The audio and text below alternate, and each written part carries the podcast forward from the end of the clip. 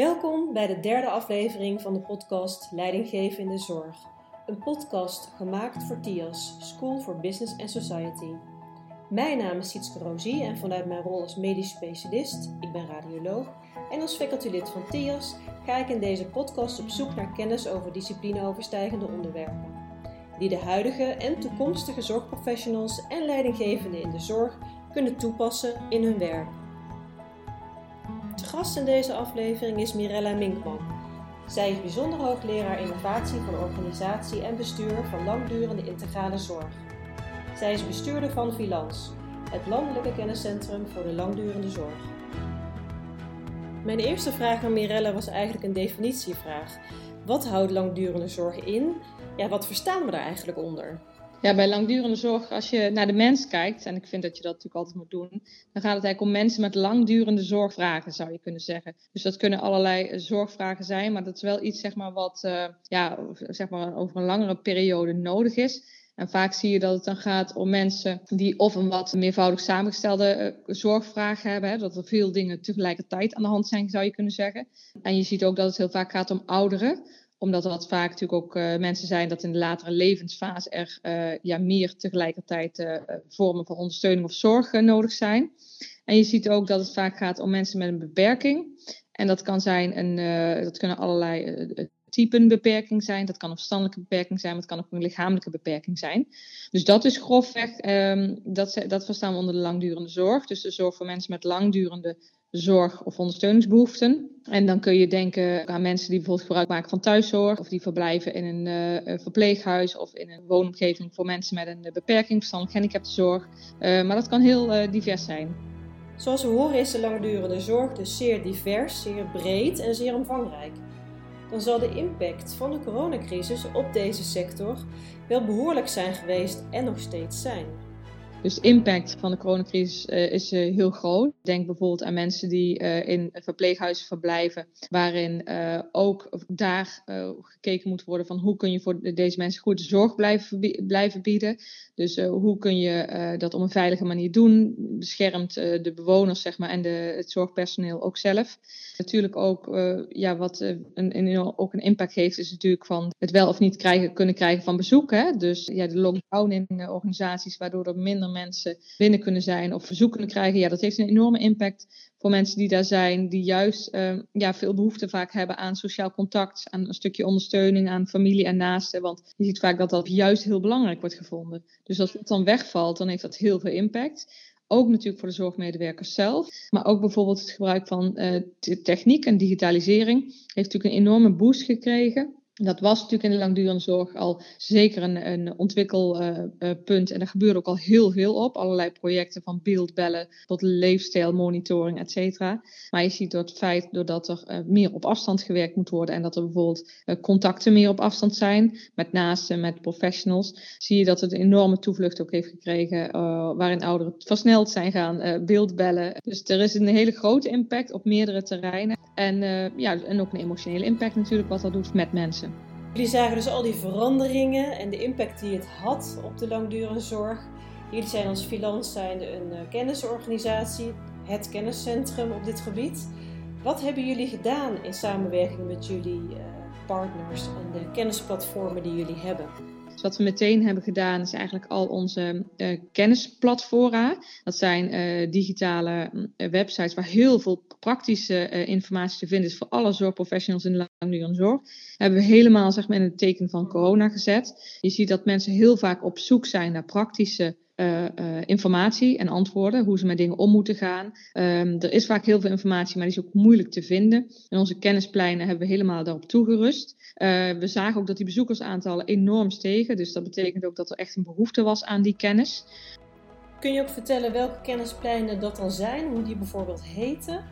En ik begrijp dat jullie dus zorgen dat er correcte informatie uh, naar de mensen toe komt. En dat ze niet zelf gaan zitten googelen bijvoorbeeld en niet weten of die informatie dan correct is.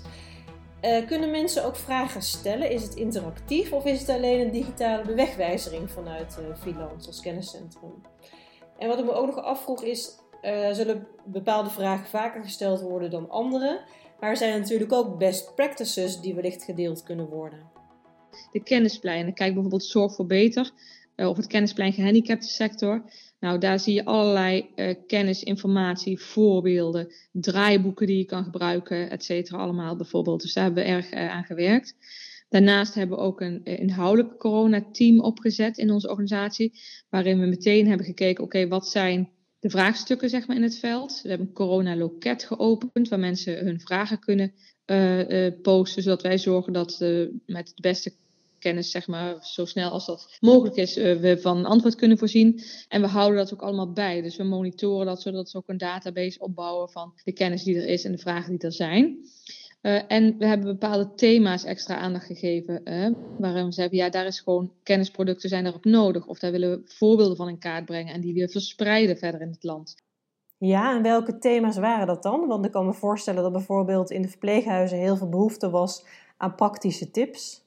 Dus stel voor, er is een bezoekregeling. Hoe ga je daar nou mee om? Hoe doe je dat nou? Nou, hoe doen ze dat in, op locatie A? Hoe doen ze dat op locatie B? Dus daar uh, hebben we veel uh, dingen uh, in gedaan. Bijvoorbeeld ook het programma als Waardigheid en Trots, wat zich richt op de verpleeghuissector, heeft natuurlijk ook meteen gekeken van wat is er nu nodig en hoe kunnen we de verpleeghuizen toch supporten, ook al kunnen we daar niet live zeg maar zijn. Um, dus zo hebben we meerdere dingen gedaan. En wat we ook doen is we monitoren dus wekelijks ook van, nou, waar, wat is de behoefte dan? Wat is de, de digitale achterkant van onze kennispleinen bijvoorbeeld? Um, daar monitoren van uh, waar wordt vooral op gezocht? Wat wordt gevonden? Wat wordt gedownload? Dus jullie houden precies bij waarop gezocht wordt en wat geraadpleegd wordt aan informatie, als het ware in een database, een dashboard. Wat zie je als je op jullie dashboard kijkt? Kun je eens een voorbeeld noemen van iets wat vaak gezocht en gevonden wordt aan informatie? Dan zie je bijvoorbeeld dat hele praktische vraagstukken hoog scoren. Bijvoorbeeld van op welke manier doe ik nou op een goede manier een mondmasker uh, aan. Het is heel logisch dat je weet dat het dan moet, maar hoe je dat dan doet. Kan je je voorstellen dat je in een thuissituatie bent, dat je in de thuiszorg werkt. Ja, dat, staat, dat is natuurlijk de context ook heel erg anders. En ook deze medewerkers moeten natuurlijk goed beschermd zijn en, en vragen zich af, doe ik het goed en hoe moet ik het dan doen? Er waren dus veel praktische vragen. Maar er was natuurlijk ook eigenlijk een tekort aan beschermingsmateriaal. En de focus lag eerst bij de intensive cares. Later werd het eh, LCH erbij betrokken, het Landelijk Consortium Hulpmiddelen. Dus ik vroeg Mirella hoe de langdurende zorg de tekorten aan beschermingsmaterialen heeft ervaren. Nou ja, ik denk dat er natuurlijk zeker zeg maar, de beschikbaarheid en de bereikbaarheid van materialen wel een, een, issue is natuurlijk geweest. Wat er nodig was, was natuurlijk niet automatisch al op alle locaties uh, aanwezig. Dat is, ja, daar was natuurlijk niemand in deze hoeveelheden op voorbereid. Dus dat is ook zeker wel een issue geweest. Ja, en, en dan ook hoe ga je ermee om? Uh, hoe zet je dat in? En hoeveel zet je dat in? Wanneer zet je dat in? We zagen dat in de monitor van wat zijn de vraagstukken die leven. Het omgaan met zeg maar, het hanteren van beschermende materialen. Vooral in de eerste week, toen ook de mensen uh, toen de aandacht ook iets verschoof naar uh, de langdurende zorg, dat zeker een issue was. Naast de beperkte hoeveelheid aan beschermingsmaterialen werd de sector ook geconfronteerd met de noodzaak van het bezoekverbod. heeft dit een extra impuls gegeven aan de digitale vaardigheden van het personeel en de cliënten in de langdurende zorg? Er liepen altijd al wel natuurlijk best wel veel initiatieven en projecten, maar niet elke locatie en elke organisatie is natuurlijk even ver. Dus zeker is er een toename geweest, een investering geweest om ook uh, digitale devices weer verder te gebruiken, te benutten, zowel voor medewerkers, maar ook vooral voor cliënten. Dus daar zijn heel veel uh, organisaties wel echt meer intensief mee aan de slag gegaan. Dus, uh, en dan op zodanige manier wat je hoopt, en dat is natuurlijk iets wat de lessen van de crisis straks moeten leren, dat het ook bruikbaar is wat voor de langere termijn. We hebben het nu gehad over de cliënten en over het personeel. Maar hoe hebben de partners van cliënten en de mantelzorgers de afgelopen periode ervaren?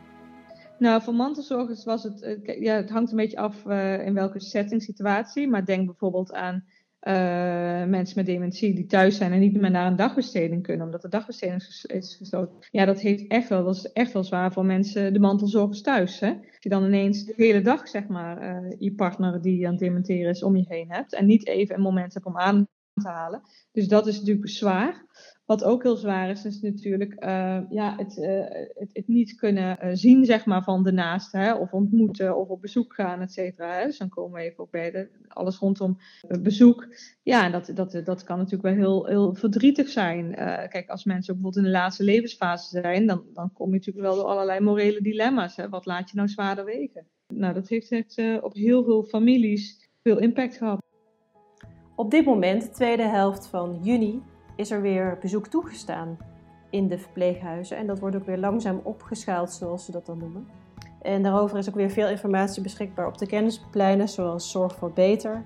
Uh, ik vroeg Mirella hoe zij de verschillen ziet tussen de verpleeghuizen, want die zijn er natuurlijk wel, en hoe daarmee wordt omgegaan. Ik denk dat er, dat er wel zeker verschillen zijn, maar alle, alle huizen zijn natuurlijk druk bezig om uh, goede manieren te vinden, zeg maar, om wel weer uh, om bezoek zeg maar, te ontvangen. En het hangt natuurlijk ook een beetje af van ja, hoe is je organisatie ingericht, hoe ziet het er letterlijk uit, welke opties zijn daarvoor. En ook natuurlijk een stukje creativiteit van ja, hoe kun je het met elkaar realiseren. Dus daar zie je natuurlijk wel wat tempoverschillen bij verschillende huizen.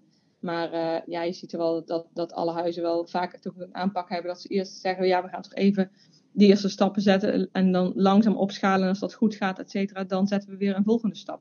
Dus dat is op zich best logisch. En ik kan me voorstellen dat het ook voor, ja, voor, voor cliënten zelf of voor bezoekers soms lastig is. Hè? Want als er een beperkt aantal mensen kunnen komen, ja, wie mag er dan komen, zeg maar. Hè? Dus ja, je hebt ook weer issues dat in de familie de onvrede bestaat, zeg maar. Als de ene zus wil, de andere zus mag niet komen. Dus uh, dat, ja, natuurlijk voor niemand is dat uiteindelijk makkelijk. Maar hopelijk is het gewoon wel weer een tussenfase en kunnen we wel weer naar een situatie toe waarin het veilig kan. Ik weet niet of je daar al iets over kunt zeggen, maar is er iets wat er vanuit het landelijke beleid, dus vanuit de politiek achteraf gezien nu, beter had gekund met betrekking tot de langdurende zorg? Ja, nou, het, is een beetje, het hangt vanaf vanuit welke rol je het bekijkt. Hè. Je vraagt nu een beetje vanuit het landelijk beleid. Hè. Als je daar aan de knoppen zou kunnen draaien. En van mijn rol vanuit bestuur van een kennisorganisatie is natuurlijk weer een andere. Ik denk wel, wat ik denk dat de aandacht voor de langdurende zorg, die had al eerder zeg maar in het, in het hele proces hoger op de agenda moeten staan. Kijk, in het begin, en dat, is ook, ja, dat kun je nu zeggen, en in zo'n beginfase zit iedereen er ook middenin. Hè? Dan ging het natuurlijk heel erg over de acute zorg, over de IC, over de IC-bedden. Maar ja, ook het besef van de mensen als ze van de IC afkomen of uit ziekenhuis komen, moet het ook goed zijn. Moet het ook thuis weer verder gaan. En ook de mensen die daar in die sector werken, hebben de juiste informatie, middelen, materialen en kennis nodig om dat te doen. Dat hadden we denk ik eerder wel kunnen uh, agenderen, zeg maar. We kregen natuurlijk ook steeds meer zicht in de loop der tijd op wat zijn de grootste risicogroepen. En die zie je natuurlijk dat heel erg in de langdurende zorg zitten. Er is dus meer en blijvende aandacht nodig voor dit deel van de zorg. Op 15 januari dit jaar verscheen het rapport van de commissie Bos en Mirella is lid van de commissie Bos. Op 14 november 2018 stelde het kabinet de commissie Toekomst Zorg Thuiswonende Ouderen in. De commissie kreeg de opdracht advies uit te brengen over wat er nodig is om de zorg voor thuiswonende ouderen ook in de toekomst op peil te houden. Rekening houdend met demografische, maatschappelijke en technologische ontwikkelingen en de betaalbaarheid van de zorg. Oud-minister Wouter Bos is voorzitter van de commissie en het rapport heeft de titel Oud en Zelfstandig in 2030 en werd in februari gepresenteerd. Tot 1 april konden er reacties op het rapport worden gegeven en de definitieve versie van het rapport ligt op dit moment bij de drukker.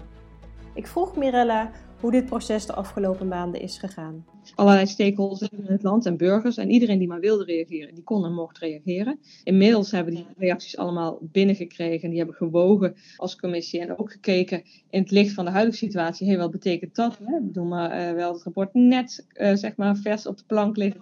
Toen kwam de coronacrisis. Dus we hebben natuurlijk opnieuw met die ogen gekeken van hey, verandert dat nou ons rapport of niet? Of vraagt dat aanscherping of niet? Dus dat hebben we gedaan. Nou ja, je ziet dat het eigenlijk dat het wel uh, tot een aantal aanscherpingen heeft uh, uh, geleid, maar niet substantieel anders is. Eigenlijk is de lijn van ons rapport nog steeds hetzelfde. En nou, op zich zagen ook dat echt heel veel reacties ook ondersteunend waren. Dus was ook heel veel en voldoende draagvlak om op dezelfde lijn zeg maar, verder te gaan. Hier stop ik even kort het verhaal van Mirella. Want het is natuurlijk interessant om te weten wat er dan in dat voorlopige en ook definitieve rapport zal staan en welke lijn dus wordt voortgezet in de aangescherpte definitieve versie. In de eerste versie staan de vier principes van de reis van de ouderen beschreven, reis met een korte ei. De R van regie vergroot de aanbeveling de mogelijkheden voor ouderen om zelf regie te voeren. De E van eenvoud vereenvoudigt de aanbeveling de ondersteuning en zorg voor ouderen, zowel voor de ouderen zelf als voor de professionals. De I van integrale benadering verwijdert de aanbeveling schotten en bevordert ze een integrale kijk op de behoeften en ondersteuning en zorg. S van samenwerking bevordert de aanbeveling de samenwerking tussen de verschillende bij de zorg voor thuiswonende ouderen betrokken partijen en professionals. Deze aanbevelingen zijn nog eigenlijk nog korter samengevat in drie centrale adviezen. Die adviezen zijn ga ver tussen haakjes bouwen. Nou, dat heeft alles te maken met de woonomgeving van de ouderen. Uh, jullie hebben vast ooit gehoord van uh, krassen knorren en de knassen knorren hofjes. Er is natuurlijk echt een probleem op de woningmarkt, ook voor ouderen. En daar moet wat aan gebeuren. Ga digitaal is het volgende uh, centrale advies. Ook heel duidelijk en ook heel duidelijk geworden. Nog duidelijker in deze coronacrisis. En werk samen, wat al de S van reis is. Dus dit even als kort intermezzo over de inhoud van de commissie, van, de, van het rapport van de commissie Bos. Nu gaat Mirella weer verder met vertellen wat de volgende stap is in het proces van het maken van het definitieve rapport. En de volgende stap is dus dat we nu een definitief rapport uh, presenteren. Dat wordt uh, voor de zomervakantie overhandigd aan, uh, aan de minister. En wat er ook tegelijkertijd uitkomt, is de contourennota waar ze mee bezig zijn op het ministerie. En het idee en de hoop is natuurlijk dat ook de punten die ook al in ons vorige rapport staan, benut worden natuurlijk in, in het nieuwe beleid. Voor de toekomst, wellicht in de contourennota al, maar zeker ook voor de nieuwe kabinetsperiode. Dat willen we natuurlijk allemaal. In de volgende kabinetsperiode dat er nog meer wordt gekeken naar kwaliteit van zorg. Filans heeft al zo'n programma, een ondersteuningsprogramma, en dat heet Waardigheid en Trots.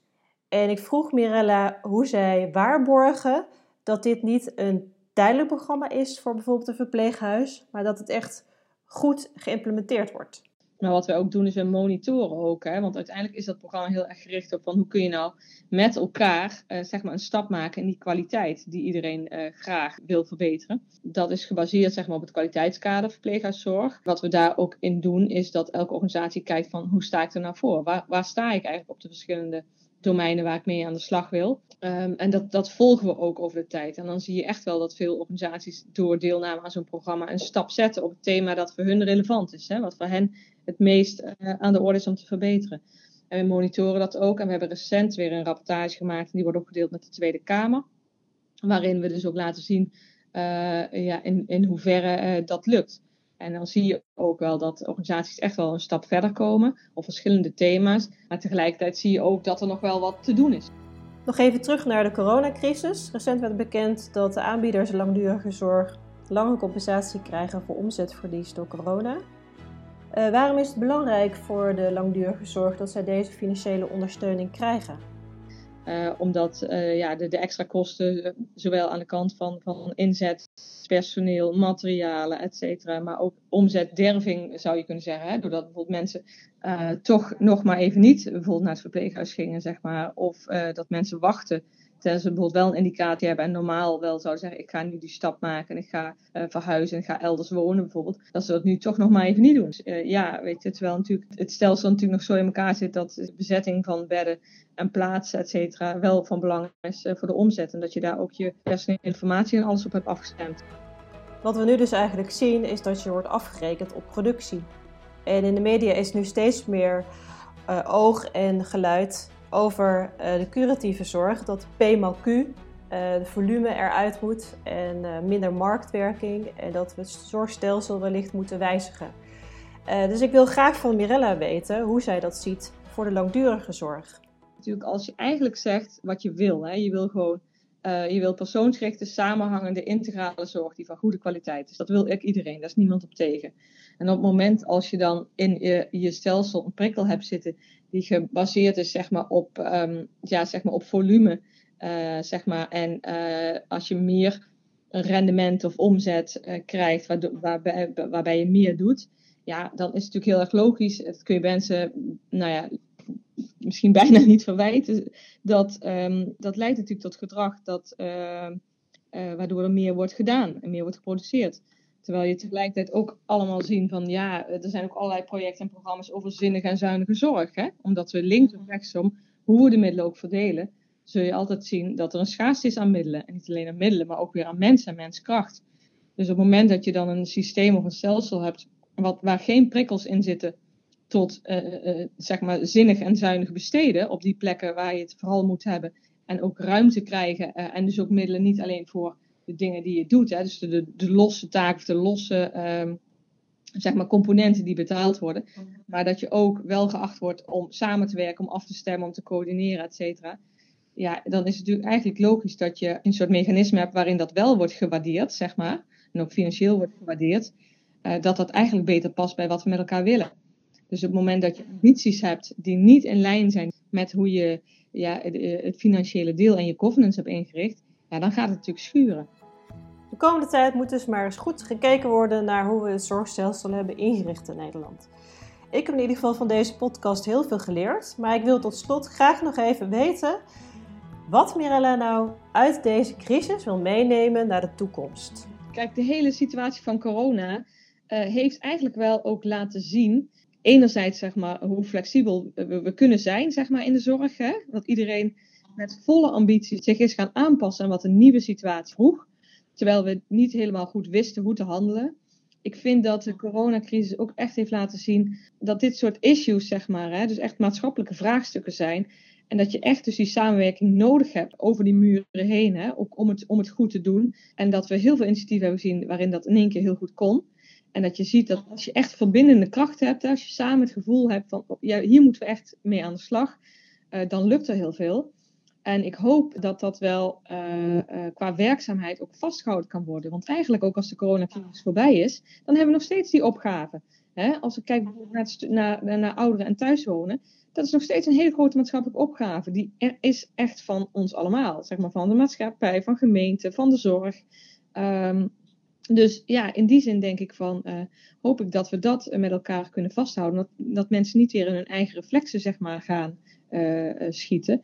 Want ja, je ziet eigenlijk dat je dat echt uh, wel nodig hebt. En dat er ook heel veel kan. Ook met inzet van een stukje innovatie, creatief nadenken, het inzet van, van digitale middelen. Um, dat er echt wel veel mogelijk is. En dat we ja, hopelijk dit wel vasthouden om uh, opnieuw te gaan kijken hoe we nou gaan moeten gaan inrichten. Want uiteindelijk, als je nou kijkt of het nou met of zonder corona is, wat je nodig hebt, is gewoon uiteindelijk persoonsgerichte zorg dicht bij mensen die van goede kwaliteit is. Daar moet je teamgericht omheen samenwerken. Je moet opnieuw na gaan denken over uh, hoe richt je de zorg nou in. Hè? Ik denk dat het op- en afschalingsvraagstuk ehm, uh, ook in de curatieve sector zeg maar, heel goed heeft laten zien. Hoe doen we dat nou als er ineens een acute crisis is? Doen we nou alles op alle plekken? Gaan we de zorg concentreren? Gaan we het wel meer decentraal organiseren? Welke specialistische kennis heb je waar nodig? Dat vraagstuk is heel pregnant geworden. En ik vind dat echt een vraagstuk waar we nog veel verder op moeten. En wat ik tegelijkertijd ook nog wel wil aangeven, is eigenlijk de cruciale rol van kennis toch in zo'n situatie. Wat we, dat we heel erg gezien hebben dat als we een vraagstuk hebben uh, dat we eigenlijk nog niet helemaal uh, kunnen oplossen in die zin dat we al antwoord hebben. Dat je echt met elkaar de verschillende kennisbronnen moet bundelen. Dus en vanuit de wetenschap, maar ook zeg maar vanuit uh, experts, maar ook vanuit ervaringskennis. Dus die, die combinatie van kennisbronnen en dat breed en goed beschikbaar maken is echt cruciaal ook in die tijden van crisis. We zagen heel veel professionals die heel erg op zoek waren ook naar kennis, naar praktische kennis. Ja, en op het, op, op het politieke niveau denk ik dat het heel goed is om ook bewust te zijn dat als je het antwoord op alle vragen niet weet, dat je die verschillende kennisbronnen moet gaan uh, benutten. En dat de afweging van wat doe je, eigenlijk ook heel vaak uh, deels gebaseerd is op de onderliggende waarden. Van wat vind je nu van meest van belang in de samenleving? En dat is hartstikke complex, maar ik denk dat we daar best wel veel in hebben gezien en ook wel veel in hebben geleerd. Prachtige afsluitende woorden van Mirelle met een mooie boodschap. In de show notes vind je nog de link naar de blog die zij geschreven heeft over kennis en waarde. Ik heb zelf heel veel geleerd, ik hoop jullie ook. En hiermee sluit ik de derde aflevering van deze podcast Leidinggeven in de Zorg af. Ik hoop dat jullie de volgende keer ook weer luisteren.